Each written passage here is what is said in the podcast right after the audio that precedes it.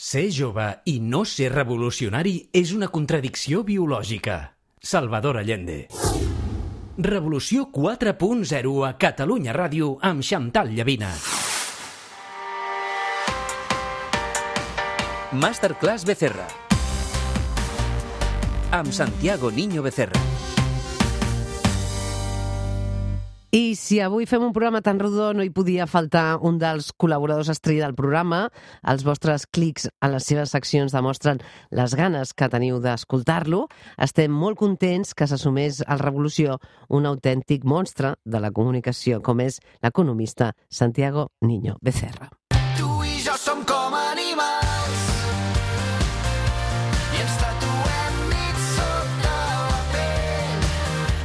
Bona nit, Santiago Niño Becerra, què tal?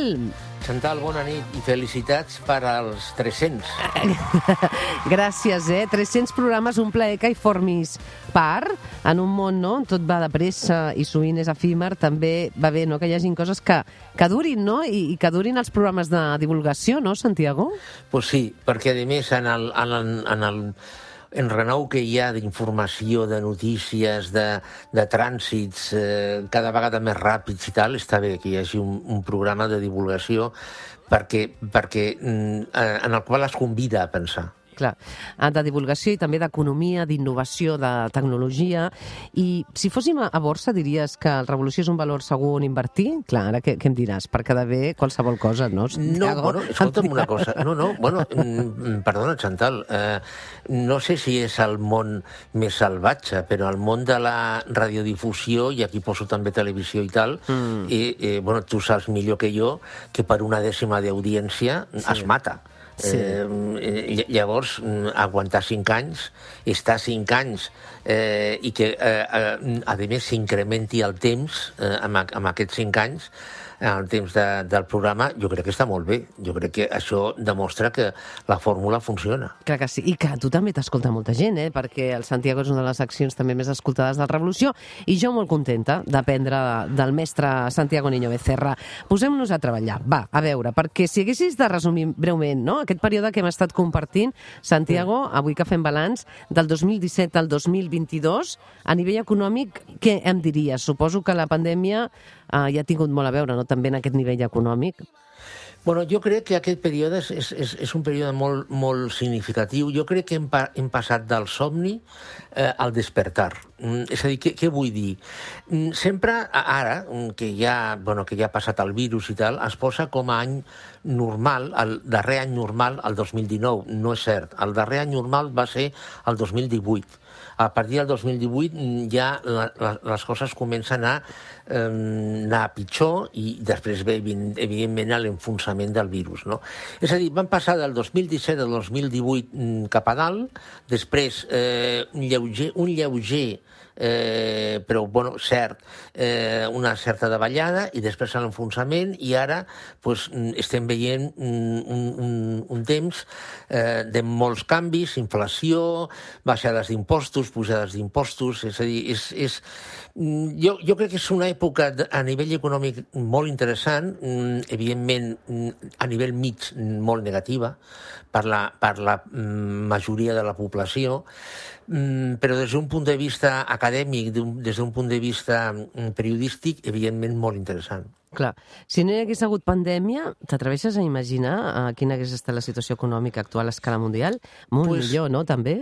Bueno, sí i no. Eh, eh, És a dir, mm, per exemple, la crisi de subministres que tenim, xips i companyia, no, no la tindríem, eh, però mm, hi ha, hi ha una sèrie de, de béns, de productes, eh, que eh, l'extracció ha sigut tan bèstia, estic pensant en, en el coure, estic pensant en l'urani, eh, que ja s'ha arribat a un punt en què cada vegada serà més car eh, treure aquests materials. Penso també en el carbó. Eh, és, és a dir, que mm, independentment del virus i de la guerra d'Ucraïna, eh, jo crec que el nivell de preus seria, no, no el que tenim ara, evidentment, però tindríem un cert nivell, una certa inflació. Eh? Ara no em preguntis si al 4 o al 6, no, no ho sé. Uh -huh. Però la, la, i, i tindríem una certa inflació. És a dir, eh, també estaríem parlant, evidentment, de pèrdua de poder adquisitiu, a, encara que molt menys del que estem, del que estem parlant. Eh, I els, els eh, estats també tindrien problemes, mm, menys que ara, però també tindrien problemes amb el, amb l'endeutament, amb el creixement tan gran de la, de, de la deuta. Eh, És a dir, el, el, el virus, com a, com a signe negre, eh, ha creat una situació mm, negativa mm, per tot el que ha representat i, i a més, mm, això incrementat per la velocitat de, de caiguda, no? que, i després, eh, a continuació, la, la guerra d'Ucraïna. Tenim la guerra d'Ucraïna, tenim la pujada dels preus de l'energia ara, no?, en aquesta realitat. La OCDE també ha revisat eh, previsions de creixement a l'estat espanyol que no són mm, gaire ufanoses pel que queda per l'any que ve. Mm, Espanya i, perdó, Alemanya entraria en recessió. I Santiago, mm, avui, clar, molts oients em pregunten no ens podria donar alguna bona notícia econòmica per celebrar els 300 programes?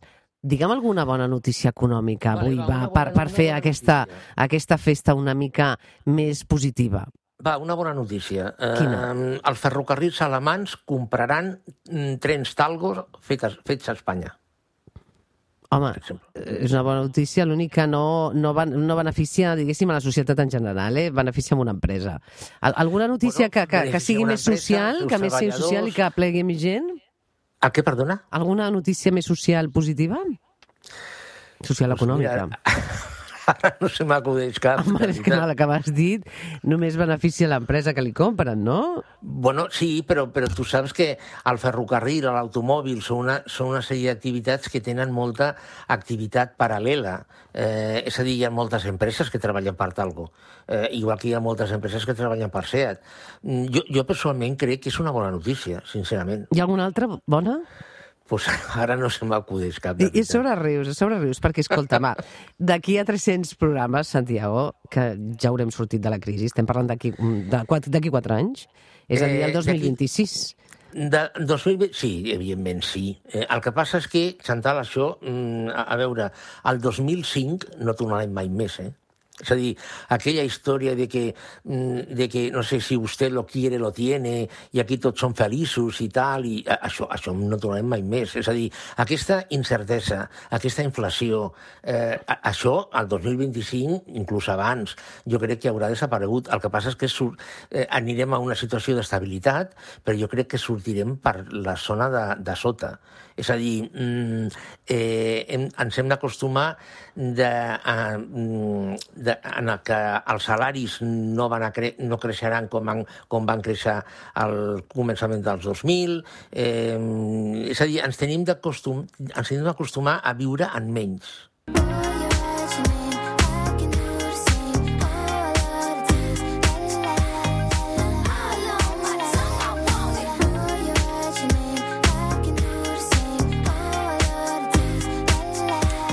Mentre el futur arriba, hi ha riscos per a l'economia que podrien provocar una recessió. Aquests en són alguns i m'agradaria comentar doncs, um, altres punts de vista també estrictament econòmics eh, amb tu, no? la tensió entre els Estats Units i la Xina, que l'altre dia en vam parlar, els resultats de les eleccions italianes, tenim el canvi climàtic, no?, que també és molt important, i tot el que envolta econòmicament aquest canvi, la guerra d'Ucraïna, represàlies russes pel tema energètic a Europa, la crisi dels cereals, no?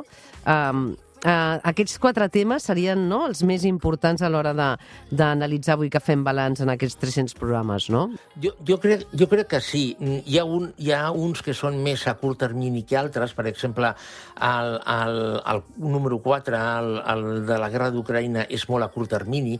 És molt curiós perquè abans has fet mm, menció a les previsions que ahir va pu- publicar la, la OCDE Eh, és curiós perquè l'informe mm, té un subtítol, bueno, es diu Informe de, de setembre de tal, de la OCDE, i té un subtítol que és Pagant la guerra. És a dir, és realment... És a dir, aquesta guerra la, la, no con diners, però sí amb carències, problemes, subministraments, etc etc, la pagarem, la pagarem tots, i sobretot a Europa. El, del canvi, el, el tema del canvi climàtic, el factor del canvi cli- climàtic, mm, malgrat que des dels anys 70 mm, està creant problemes, és un problema més a llarg termini, Eh, jo crec que les, les eleccions italianes no tindran mm, pràcticament cap implicació perquè aquí estàs, estic caricaturitzant, eh? A la senyora Meloni mm, li trucaran i li diran, bueno, vostè ha guanyat les eleccions, però s'ha de portar bé i ha de fer les coses correctes. I la tensió entre els Estats Units i, i la Xina, això, mm, bueno, sí, mm, es diran de tot, però jo crec que a ningú li interessa mm, que les coses vagin a, a mas, amb la qual jo crec que s'arribarà a, un, a una entesa. Molt bé. Escolta, hem d'anar acabant. Uh, també et pregunto avui, continuaràs 300 programes més amb nosaltres, no, Santiago? Home, si tu vols, sí, eh, perquè tu eres la jefa. Eh, és, Però tu no et jubiles tampoc, no? Tu no. Bueno, jo, jo tinc les meves històries i, evidentment, eh, jo continuaré, si tu vols, però, Clar. però, però és que tu m'ho preguntes a mi i jo crec que això t'ho tindré que preguntar jo cada any a tu. Clar. Però ja saps que jo estic molt contenta. Mira, vaig fer un exercici perquè avui tenim en l'estudi, que tu no ho veus, un 3, un 0 i un 0, i ara et faré fer una cosa. Ara has de fer que fas unes espelmes amb mi. Fem així. Molt bé. I hem bufat d'aquest 300. Gràcies, Santiago Niño Becerra. Una abraçada. Vale, gràcies, gràcies, Fins ara. Adéu, adéu. adéu.